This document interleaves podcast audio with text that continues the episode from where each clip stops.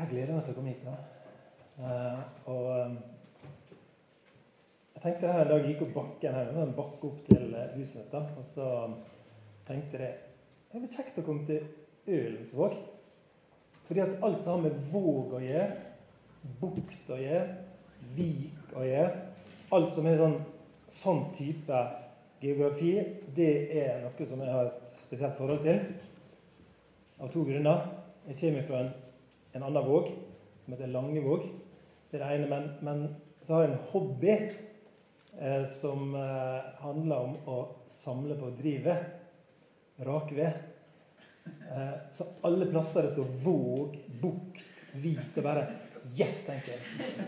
Her i området. Her kan jeg stoppe og leite litt. Så spesielt sørvestvendte viker, det er helt fantastisk eh, å få besøke litt. da. Så det å komme til en våg, det er fint for meg. Og så få lov å hilse på Andreas igjen etter noen år. Eh, var litt i lag i Betlehem i sin tid. Ok. Da vet dere enda litt mer da, om eh, eh, meg, egentlig.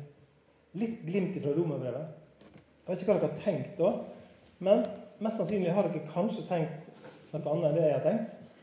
Men jeg skal si noe i dag som jeg tenker det, Jeg håper det blir til oppbyggelse. Eh, og så blir det et annet oppord i morgen formiddag som blir mer kanskje til en sånn oppmuntring til noe. Så litt oppbyggelse og litt oppmuntring, det er det jeg tenker om det i dag og det i morgen. Og så får vi se hva det blir i kveld, men det blir noe annet enn det. Eh, Romerbrevet 8 skal vi være litt i nå, da, i formiddag. Og jeg har lyst til å be en liten bønn om at eh, du, Jesus, som eh, er Skrifta si kjerne og Skrifta si stjerne, at du kan lyse for oss, at ditt ord kan lyse for oss. Jeg har lyst til å be om at du, Jesus, som er ordet sjøl, kan stige ut av trykksverta og komme oss i møte, Jesus. Møte oss med ditt ord til ære for ditt navn og til framgang for ditt rike. Og hele folket, sa Amen. Ja, jeg skal lese litt uh, lite avsnitt ifra, ifra uh, slutten på Romerbrevet 8. Litt ifra, fra noe der, og så skal vi hente ut noen skriftsted. og så har vi litt god tid nå. Jeg er imponert over at dere er så mange her i dag. Jeg må si det. Jeg tenkte da jeg kjørte utover I dag er det lørdag, i dag er det så mange ting en kan ha lyst til å gjøre. Og så er dere her. Det er fantastisk, syns jeg, da. Um, ja.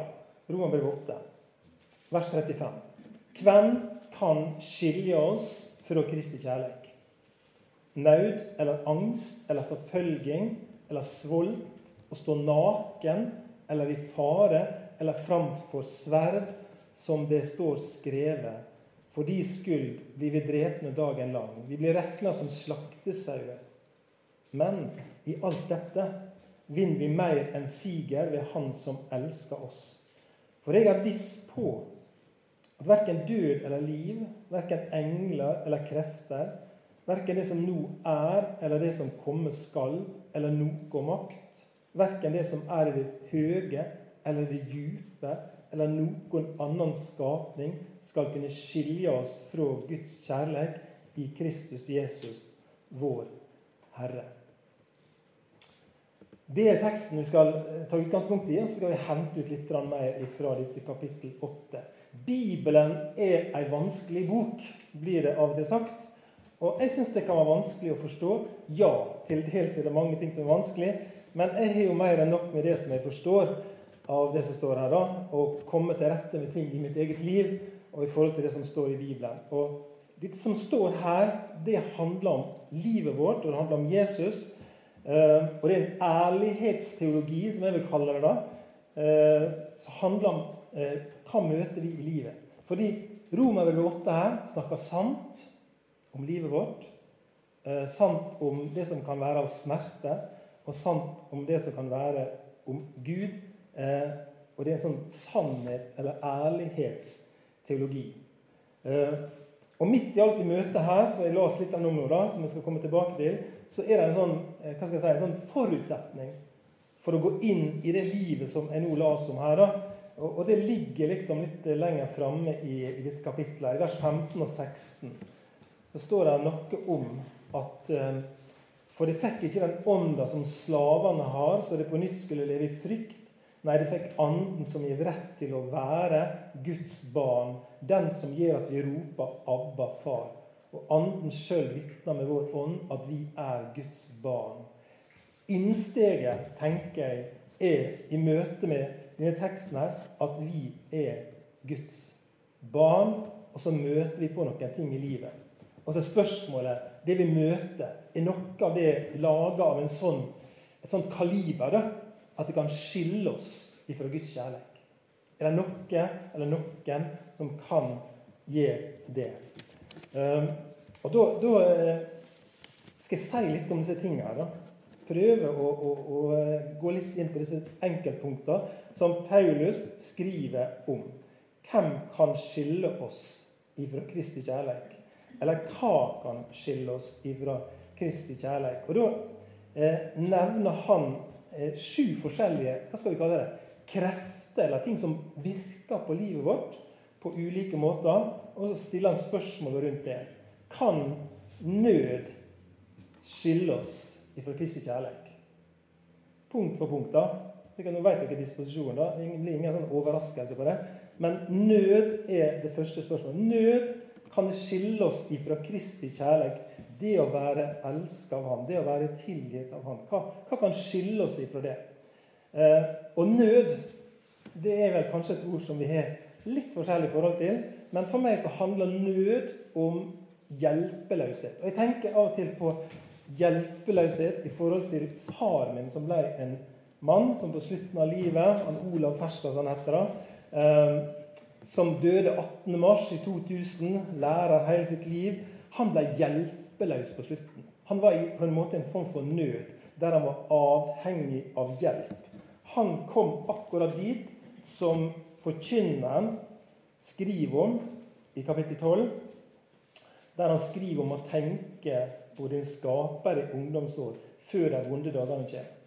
Før de åra kommer da du må si 'Jeg har ingen glede av deg'. For sol og dagslys, måne og stjerner blir mørke, og skyene kommer opp etter regnet.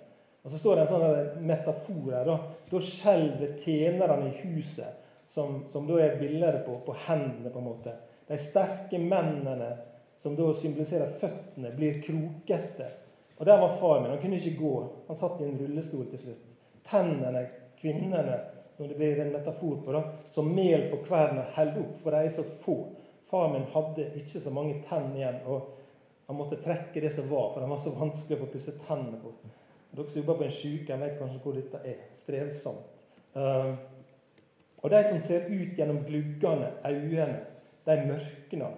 Og begge dørene mot gata blir stengte. Altså hørselen blir, blir, blir stengt, osv. osv. Faren min kom dit. Han var en hjelpeløs mann på slutten. Han var en stor og stolt og svær kar som svinga slegga og bygde og herja på. Og så ble han hjelpeløs. Veldig hjelpeløs på slutten. Den kom sigende sakte, men sikkert. Så mista han grepet på det meste. Han mistet grepet rundt bilrattet, han mistet grepet rundt girstanga. Han mistet grepet på sirupsboksen som var hans faste liksom, pålegg. Han mistet grepet på å skjære tjukke skivene, han mistet grepet på brødbakinga. Og han mistet grepet på tankene sine. Og han var hjelpeløs. Av og til tenker jeg hva da? Kan et menneske som har trykt på Gud hele livet, bli hjelpeløs? Hva da? Kan det skille oss ifra Kristi kjærlighet? Kan det skille oss ifra å være elska i vår nød og i vår hjelpeløshet? Ehm, jeg skrev et dikt når far min døde. Et lite dikt der jeg reflekterte over far sine turer. Far min reiste fryktelig lite. Fryktelig lite. Det var liksom De lange turene det var liksom ut på Borgundfjorden og Pilke. og og, og, og ut på bedehuset og på skolen.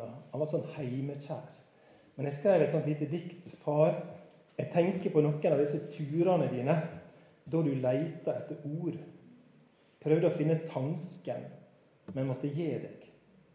Noen ganger smilte du, og vi gikk videre i lag. Far, jeg tenker på hjelpeløsere. Kan hjelpeløse dere? Kan nød eh, føre til at eh, vi står utafor Kristi kjærlighet? Kan det skille oss ifra det? Han som hadde mist grepet, hva nå? Eh, Kristi kjærlighet, dere, er det grepet som vi leser om i Hebrevet 13,5. Der står det 'Jeg svikter deg ikke og går ikke fra deg' når nøda er der, når hjelpeløysa er der. Og I vers 26 og 27 i Romerbrevet 8 eh, så står det sånn På samme måten kommer Anden oss til hjelp i vår maktløse.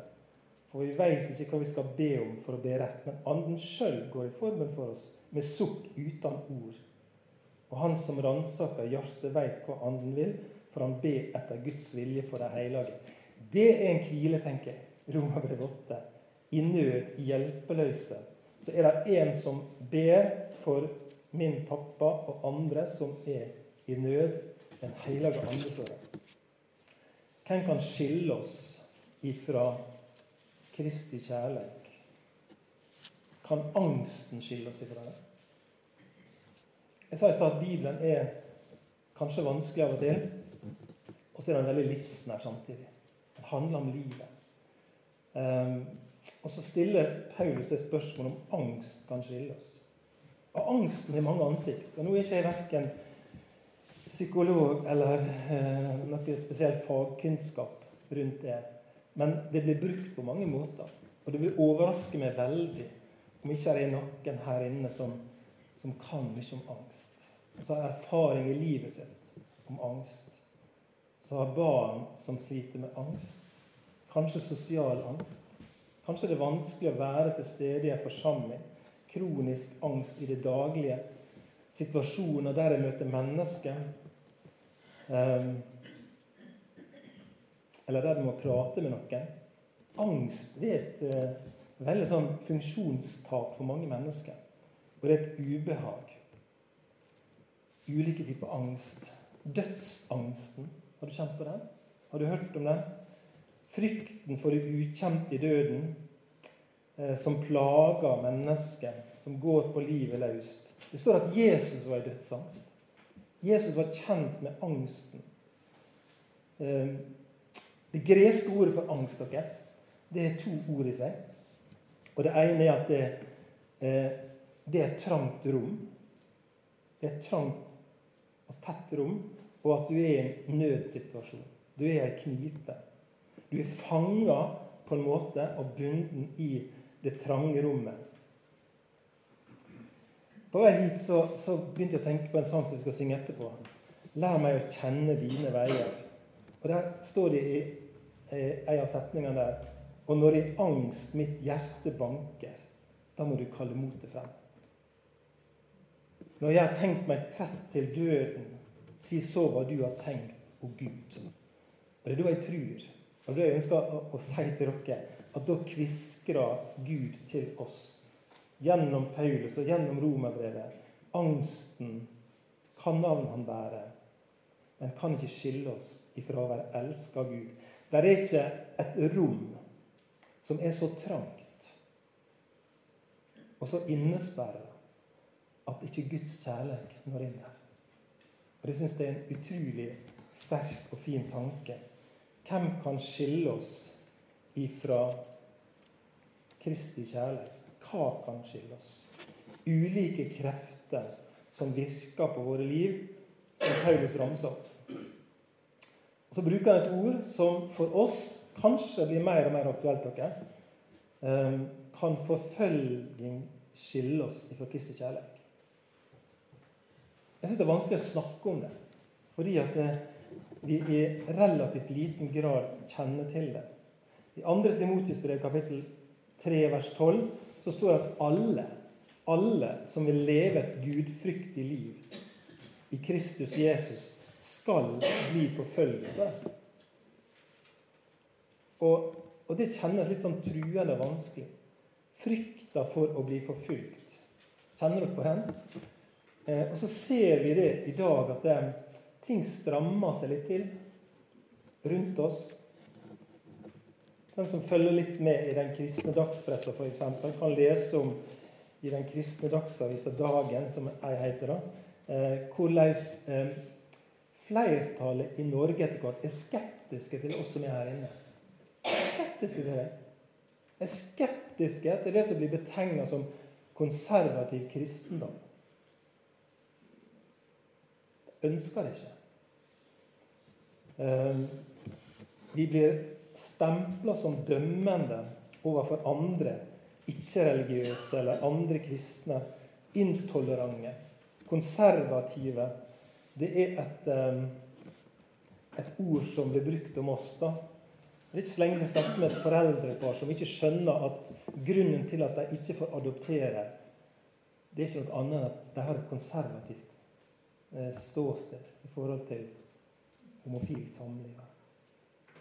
Det er skjedd noe, en slags sånn endring i, i klimaet. Kan det skille oss eh, ifra å være elska av Gud? Og Paulus har på en måte gitt svaret, men, men det er fortsatt nei. det. Om vi skulle oppleve det sånn eller sånn, så ville det ikke kunne skille oss i, fra å være elska av Gud. Det er en forfatter som heter Magnus Malm, som jeg har glede av å lese, da, som jeg siterer av og til. Han har sagt følgende eh, Det største behov i et kristent fellesskap altså Kan sikkert si ok, kanskje det er enda større behov, men han sier i hvert fall det, at det største behov i et kristent fellesskap er mennesker som vet at de er elsket av Gud. Det er fint. Tenk på det. Altså et fellesskap av mennesker som er forankra i det. Vi er elska Gud. Jeg elsker Gud. Og det er ikke bare en sånn tankegreie, men jeg har erfart det, eh, at jeg er et elsket Guds barn. Hva kan skille meg fra det? Det er det Paulus ligger og liksom vrir og vender på, så stiller han en del sånne spørsmål da, rundt det. Kan svolten stille oss, eller skille oss ifra å være elska, spør han. Og med hva rett kan vi snakke om det? Jeg skal jo bo på Augusta, jeg forstått, og jeg regner med at jeg, Altså, Han har ikke sagt det. det er ikke, Andreas har ikke lovt det, men jeg regner med at jeg kommer til å få litt mat. Jeg regner med det. Hvis ikke så blir jeg overraska. For å si det mildt. Men, men det, å, det, å, svelte hva slags, eh, Nå er ikke Bibelen skrevet bare for folk fra Ølen og, og Sunnmøre, men, men, men, jeg har lite erfaring med det. Det er liksom Stort sett fra da jeg var liten gutt, så gjorde jeg forskjellige ting som ikke mor mi likte, og far min likte, og så måtte jeg gå og legge meg uten mat. Er det andre som har opplevd det? Bli jagd i seng uten mat. Det var den hardeste straffa jeg kunne få. Jeg var jo ram til å ete, og, liksom, og det måtte jeg legge uten å få mat.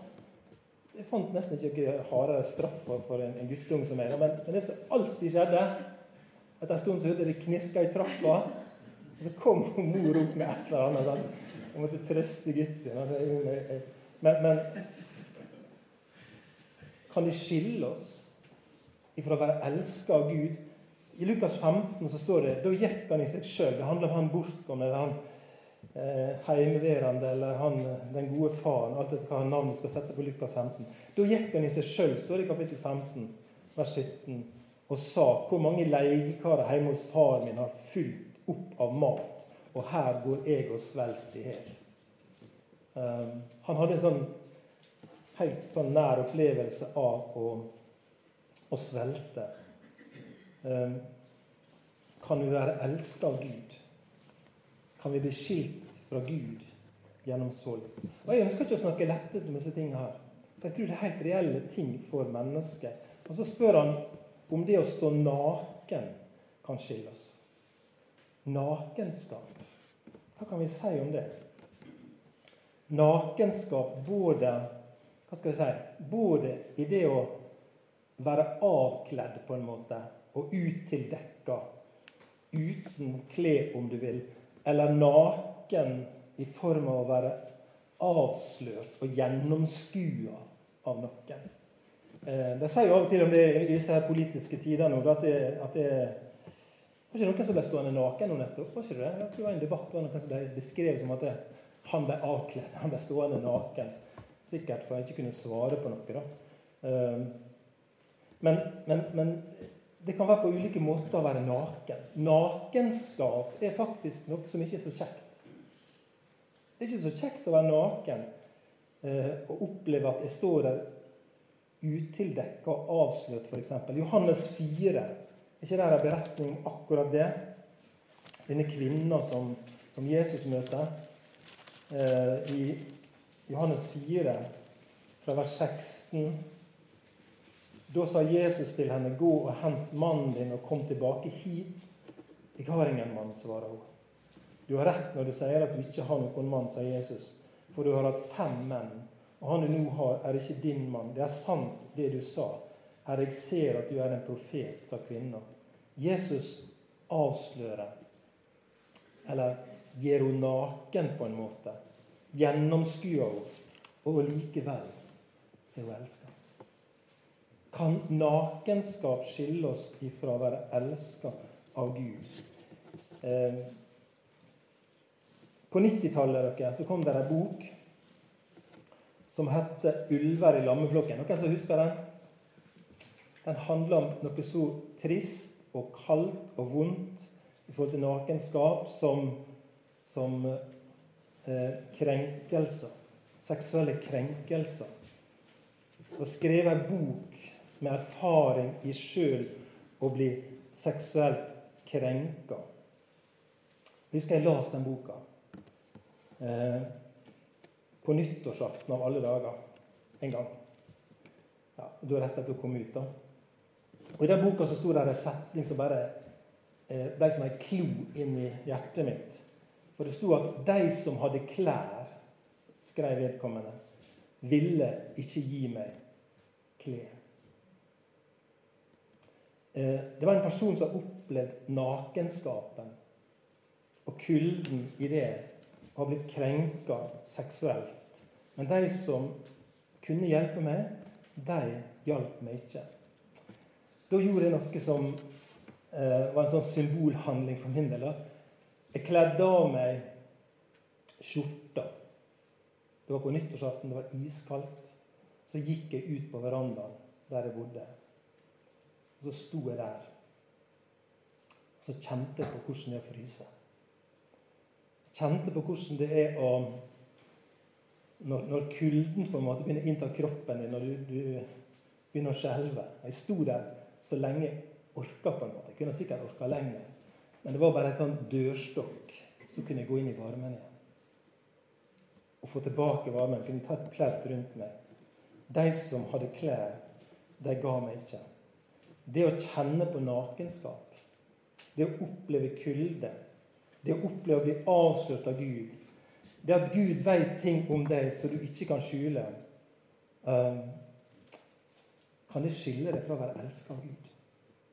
Det er det Paulus driver som å elte og knar i. da. Med den nakenskapen så føler, så, så føler ofte skamma over livet vårt.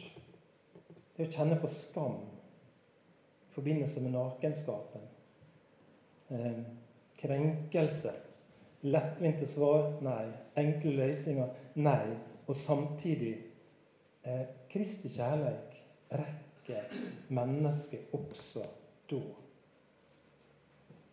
Kanskje er du naken sjøl. Kanskje har du kjent på nakenskapet. Kanskje har du gjort noe veldig lite lurt. Kanskje er du blitt avslørt. Kanskje har du tråkka skikkelig feil rota deg bort i ting som ikke tåler lys, og så plutselig blir lyset slått på, og så står du der naken. Og så er spørsmålet kan det skille oss.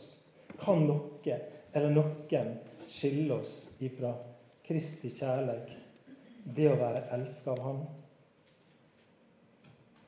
Eller i fare? Svaret er fortsatt nei. Det, det, er nei. Dere har fått med dere det? sant? Altså, det er ingenting som Paulus på en måte ramser opp. Men, men det, er så, det, er så, tett på ting som berører livet vårt på så ulike måter. Dere sitter her nede. Jeg kjenner ikke dere. Jeg kjenner bare litt noen av dere. Men dere har helt sikkert historier som, som kanskje har ting som tangerer bort i disse ulike tematikkene som, som Paulus tar opp. Um, det å være i fare Det å være i fare er ofte forbundet med frykt. er ikke det? frykten og fare er noe som henger sammen. Jeg har sjøl en liten historie på det. om det å oppleve frykt. Frykt for mennesket. Um, hadde en pappa som het Olav. Så hadde jeg en storebror som, som skapte frykt i livet mitt. Sånn er det dør. Sånn var det. Han var sjuk, og jeg skjønte ikke det. og Jeg var liten gutt, og han skulle være storebror. Han var ikke storebror. Tvert imot så gjorde han ting som var vonde. Han var fysisk mot meg. Han kunne slå meg i bakken og skrike og skape veldig mye sånn uhygge i hjemmet. da. Og kjenne på frykten. Frykten for hva som kan skje. Eh, og det fikk meg til å trekke meg unna for at han fysisk eh, gikk løs på meg. Og det kan gjøre noe med bildet av Gud i sånne situasjoner. Iallfall hvis mamma og pappa tror på Jesus, og, og så skjer det noe. Kan det skille oss kan det skille oss fra å være elska av Gud? Det er ganske svære ting, dere. Og så sier Paulus det at det kan ikke det. Eller framfor sverd. Framfor sverd. Vi ta en liten sånn sverd. Eh, litt sånn sverdbolt. da. Det skynde og siste stikkordet som Paulus nevner. Det ligger jo i kortet at heller ikke sverdet kan skille oss ifra det å være elska av Gud. Et sverd kan ta liv, men det kan ikke ta liv av håpet eh, og det å være elska av Han. Og Jeg tror at nede i salen her så er det ulike sverderfaringer. Jeg har tenkt å ta dere med på en, en bitte liten reise eh, innom mora til Jesus i Lukas 2, vers 25. Så står det noe om et møte med en mann som heter Simeon, der det er snakk om eh,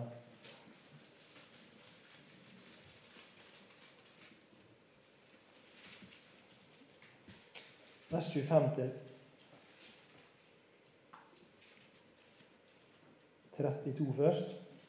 I Jerusalem var det en mann som het Simeon. Han var en rettferdig og gudfryktig mann som venta på Israels trøst den hellige ande årene. Og anden hadde latt han få vite at han ikke skulle se døden før han hadde sett Han som Herren har salva. Nå kom han opp til tempelet dreven av anden, og da foreldre kom med Jesusbarnet for å gjøre med han som skikk og bruk var, etter lova, tok Simeon barnet i armene sine. Han lova Gud og sa, Herre, nå let du tjeneren din fare herifra i fred, slik du har lova, for mine øyne har sett din frelse, som du har gjort i stand like for andletet på alle folk. Et lys til åpenbaring for hedningene til ære for folket ditt Israel.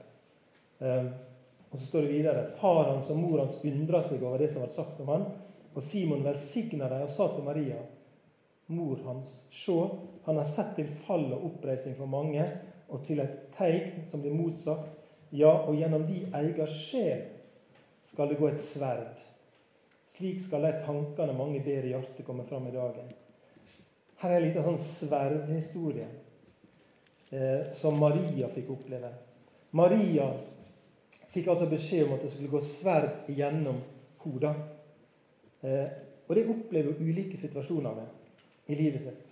Sverd eh, som stakk henne, der hun opplevde at det Jesus avviste henne i perioder eller i situasjoner.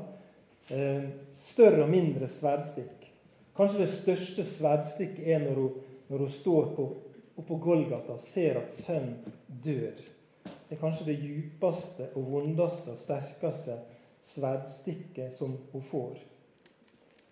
Eh, og så tenker jeg kanskje det er din erfaring. Kanskje har du fått sånne sverdstikk. Og kanskje lever du med sånne sverdstikk i livet ditt, der du som mor og far kjenner på sår.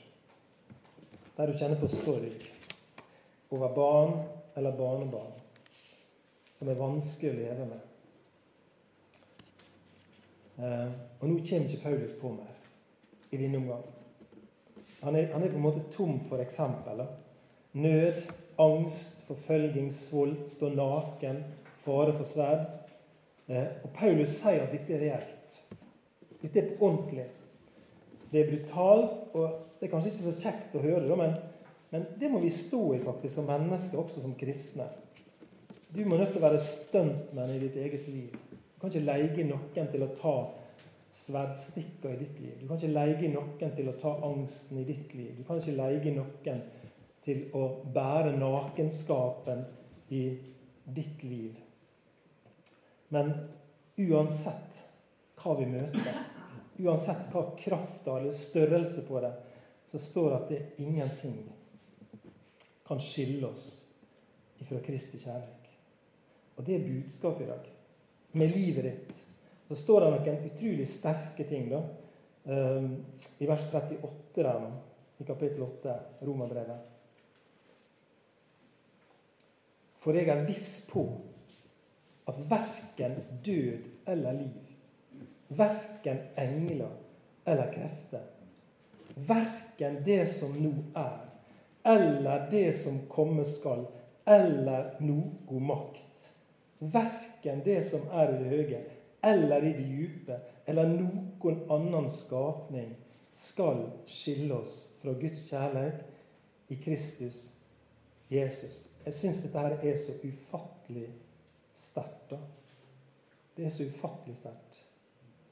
Ehm, og særlig syns jeg det er sterkt å lese eh, det som han sier, at verken det som nå er Og La oss bare stoppe litt den der. Jeg vet ikke hvor det er nå med det. Men det som er nå. Verken det som er nå, sier han. Og det kan være noen av disse tingene jeg har snakket om, eller hver andre ting som du kjenner på livet ditt, som er krevende. Eh, samme hva det er, det som er nå. Det kan ikke eh, skille deg fra å være elska av Jesus. Jeg har lyst til at du skal høre det. Jeg har lyst til at det skal få lov å senke sin jubel. Samme hva du bærer på av angst eller smerte eller uro eller skam eller hva det skulle være. Han elsker deg fortsatt. Verken det som er nå, og så står det eller det som kommer skal. Jeg vet ikke hva som skjer med. Og du vet ikke hva som skjer med ditt liv. Og det er ingen som vet hva som skjer med livet vårt. Men uansett hva navn det bærer, det som er, det som skal komme, det kan ikke skille oss ifra å være elska av Gud. Du er elska av Han uansett hva som skjer. Det er nesten som Golfstraumen dere. Det å være elska av Gud. Den som ligger djupt der nede, sant? som gjør at vi kan leve her oppe i nord. Jeg har forstått at det er sånn det er. da. Så kommer fra det karibiske havet tvers over Atlanteren og finner seg en vei opp langs kysten. Som gjør at vi kan leve her. Så er Guds kjærlighet som en sånn golfstrøm som ligger der og gir oss liv. I møte med det som er krevende og vanskelig. Livet kan skille oss fra mange ting gjennom mange ulike situasjoner. Isolere oss. Men vi kan ikke eh, bli skilt ifra å være elska av Gud. Og Så står det noen forunderlige greier her. nå. Sikkert flere enn de som undrer seg på det. da. I vers 37 der mer, Men i alt dette vinner vi mer enn siger. Mer enn siger. Hva er det for noe? Har du vunnet, så har du vunnet. Hva, hva er mer enn Hva er dette mer enn? Altså, eh, les litt i Studiebibelen, da. Og så står det at det, det er egentlig et uttrykk som er uoversettelig. Så. Det uttrykket her er egentlig uoversettelig. Og da bare klikker det inn hos meg, så kjenner jeg at Jesus, det er sånn det er å være venn med deg. Det er sånn at deg til venn, Jesus. Um, du gir oss mer enn seier, og det er noe i fellesskapet i livet med Jesus som er uoversettelig, på en måte. Jeg klarer ikke helt å, forklare det. Jeg klarer ikke helt å sette ord på det. Men det er noe i livet med Jesus som gir oss mer enn seier. Det er Han som elsker oss. Jeg klarer ikke å oversette det. Slik er Guds kjærlighet til oss i Kristus Jesus. Um, vi elsker Han. Og Nå har jeg lyst til å bruke noen minutter til slutt fra vers 33. Um, og 34 i Romerbrevet 8. Hvem vil komme med skyldninger mot Guds utvalgte? Gud er den som frikjenner. Hvem kan da fordømme? Kristus Jesus er den som døde, ja, mer enn det. Han ble reist opp, og ved Guds høyre hand. Og han ber for oss, og er ved Guds høyre hand, og han ber for oss. Her tenker jeg at det Paulus definerer hva er det å være elsket av Gud. Vi kan i hvert fall si at det er en slags definisjon på eh, Kristi kjærlighet til oss i fire punkt. Det ene er at Jesus døde for oss. Han døde for oss og våre synder. Alt som vi nær sagt blir avkledd ifra, og som vi kan skamme oss over, og hva det skulle være. Han døde for oss. Og Så sier Paulus noe artig. Ja, mer enn det, sier han. Det var ikke bare det at han døde for oss, men han ble reist opp igjen. Det er det andre. Det å være elska av Gud handler om at Jesus sto opp igjen for deg og for meg. Og Dermed ga oss et håp over alt som har med dødskrefter å gjøre. Alt som har med mørke eh, og kulde å gjøre, det vant Jesus over når han seira over døden. Han ble reist opp, og han er ved Guds høyre hand. Og En annen plass så står det at han sitter ved Guds høyre hand. og Det er en sånn ufattelig stor sånn oppbyggelig teologisk tanke at Jesus satte seg ved Guds høyre hand. For det er en sånn anerkjennelse av det Jesus gjorde. Når Jesus setter seg, så fikk han gjøre det som ingen av øversteprestene i Det gamle testamentet fikk lov til. De fikk aldri lov å sette seg. De måtte stå og gjøre tjeneste, står det. Dette er et tema for seg sjøl, men, men, men, det er en sånn fortetta, sånn oppbyggelig tanke at Jesus er ved Guds høyre hånd. Han sitter ved Guds høyre hånd. Prestene sto alltid og gjorde tjeneste, leser vi i Gamle testamentet. Fordi de ble aldri ferdig. De hadde ikke fullført tjenesten. Så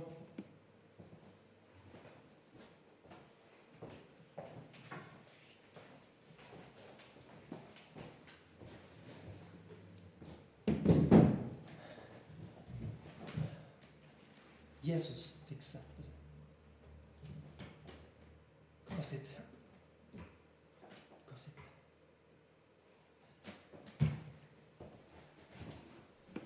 Bli sittende, Jesus, for det er fullført. Prestene fikk ikke sette seg. De hadde lyst til å sette seg. Må vi stå? Ja, dere må stå. Den ene etter den andre. Ny prest. Fortsatt stå. Så får Jesus sette seg. Det handler om at Gud har anerkjent fullt ut det Jesus har gjort. Han er den som døde, sto opp igjen. Han er ved Guds høyre hånd, og han ber for oss. Det er den oppbyggelige tanken i dere. I møte med livet, i møte med smerte, i møte med ting som kan være krevende. Og Så spør Paulus da, kan noe av dette her nå skille oss ifra å være elska. Så er det et rungende nei ifra Paulus, ifra Guds ord. Det er ingenting som kan skille oss ifra å være elska av Gud. Det som er nå. Og det kan være ulike ting. Eller det som komme skal. Og ingen makt i det høye eller det lave. Ingenting kan skille deg fra å være elska av Gud og få del i denne kjærligheten. Det er da det spørs om vi skal spleise på et halleluja for det. da. Det kan bli tungt å få til, kanskje. Ok? Um, håp om herligdom, står det i overskrift fra vers 18 og utover dette kapitlet. Det var det jeg var tenkt å si i dag. Herre, takk for, eh, takk for ditt ord, og takk for eh, at du kommer tett på i livet vårt i forhold til ting som kan være vanskelige, krevende. Ting som er svære i seg sjøl. Jeg ønsker ikke å snakke lettvint om det. Men jeg er bare så takknemlig for at vi skal få lov å si at du er vår pappa, du er vår far. Vi elsker deg. Også i møte med det som er krevende i livet. Så er du der med din kjærlighet til hver enkelt nede i salen her. Jeg takker deg for det. At vårt håp ligger hos deg, Jesus. Du som døde. Du som sto opp igjen. Du som er ved Guds høyre hand. Og du som ber for oss. i ditt gode navn.